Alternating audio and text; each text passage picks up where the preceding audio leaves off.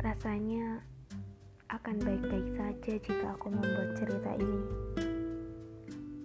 Toh juga, entah kamu peduli atau tidak. Sekadar ingin tahu pun, aku tak tahu.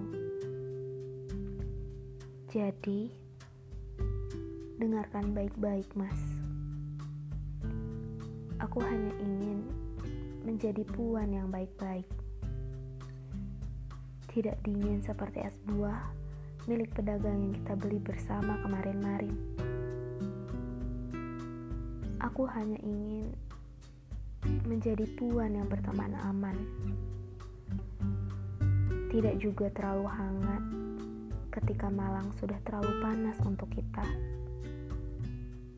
Cukuplah menjadi puan yang senyum sapa saat pertemuan kita esok lusa pun menjadi tempat sambat seperti biasa.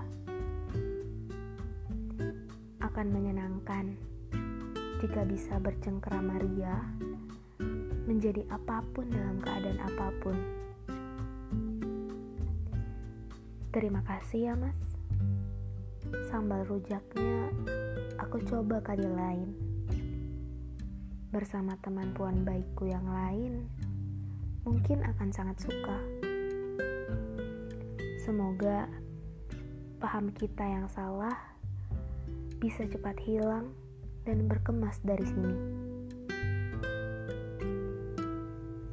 Bab 2 Mungkin kita akhirnya jatuh cinta di November yang basah.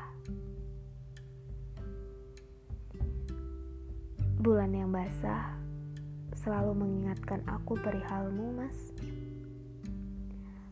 Entah kenapa, setiap sisinya terlalu akrab dengan kamu yang dingin. Itu tak apa. Aku menyukai semua tentangmu, Mas. Sama seperti aku menyukai langit. Apa pun suasana hatinya. Bahkan di hari pertama November ini, ia berhasil membuat hatiku menghangat dengan kerinduan. Ia menjatuhkan rintik sendu dan bercerita tentangmu. Jarak memang adalah cara mendewasakan perasaan dengan baik. Terima kasih ya, Mas. Kita selalu bisa melewati dengan baik kerinduan dan rasa tidak menyenangkan bersama. Mas, hujannya semakin deras, hanya sedikit egois. Ia mengingatkanku tentang kenangan kita di atas motor saat rintis sayup-sayup dekat sekolahku dahulu. Masih merindu dan sedikit basah, kita mampir ke kedai dekat sana. menghangatkan tubuh sambil bercerita dan tertawa. Rasanya rintik hujan tidak membuat kita mendingin, Mas. Kita semakin hangat berdua di bawah atap dengan suara hujan yang menyenangkan. Lalu, suara motor yang berwira-wiri hanya menjadi lagu riang di hari yang mendung.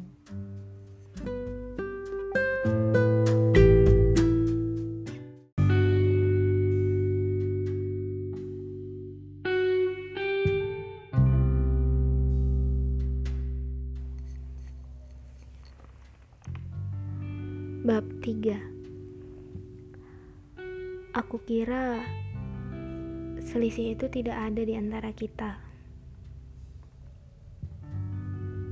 Mas, ketika kamu tidak lagi menjadi tempat menyenangkan untuk berkisah perihal apa pun, aku harus bagaimana? Ketika aku tidak lagi bisa menjadi diriku demi menjaga perasaanmu, aku harus bagaimana?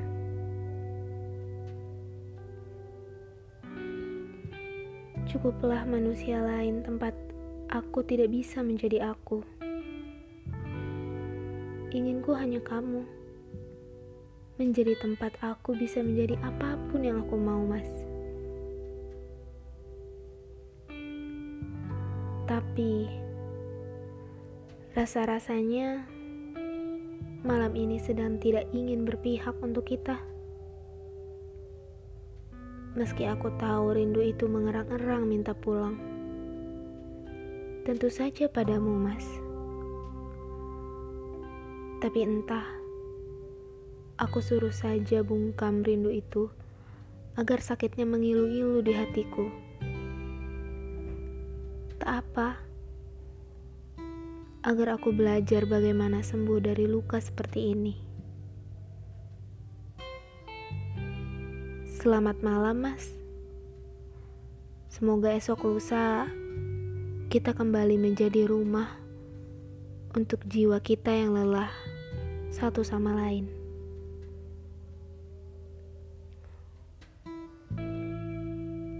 Bab 4 Rindu yang bisu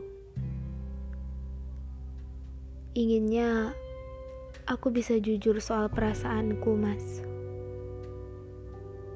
Di sela-sela kesibukanku dan punyamu, aku terlalu takut jujur dan rinduku mengganggu selalu waktumu untuk tidur. Kamu seharusnya tahu, aku sudah kehabisan kata untuk mengungkap peluh di hati yang sudah lusuh.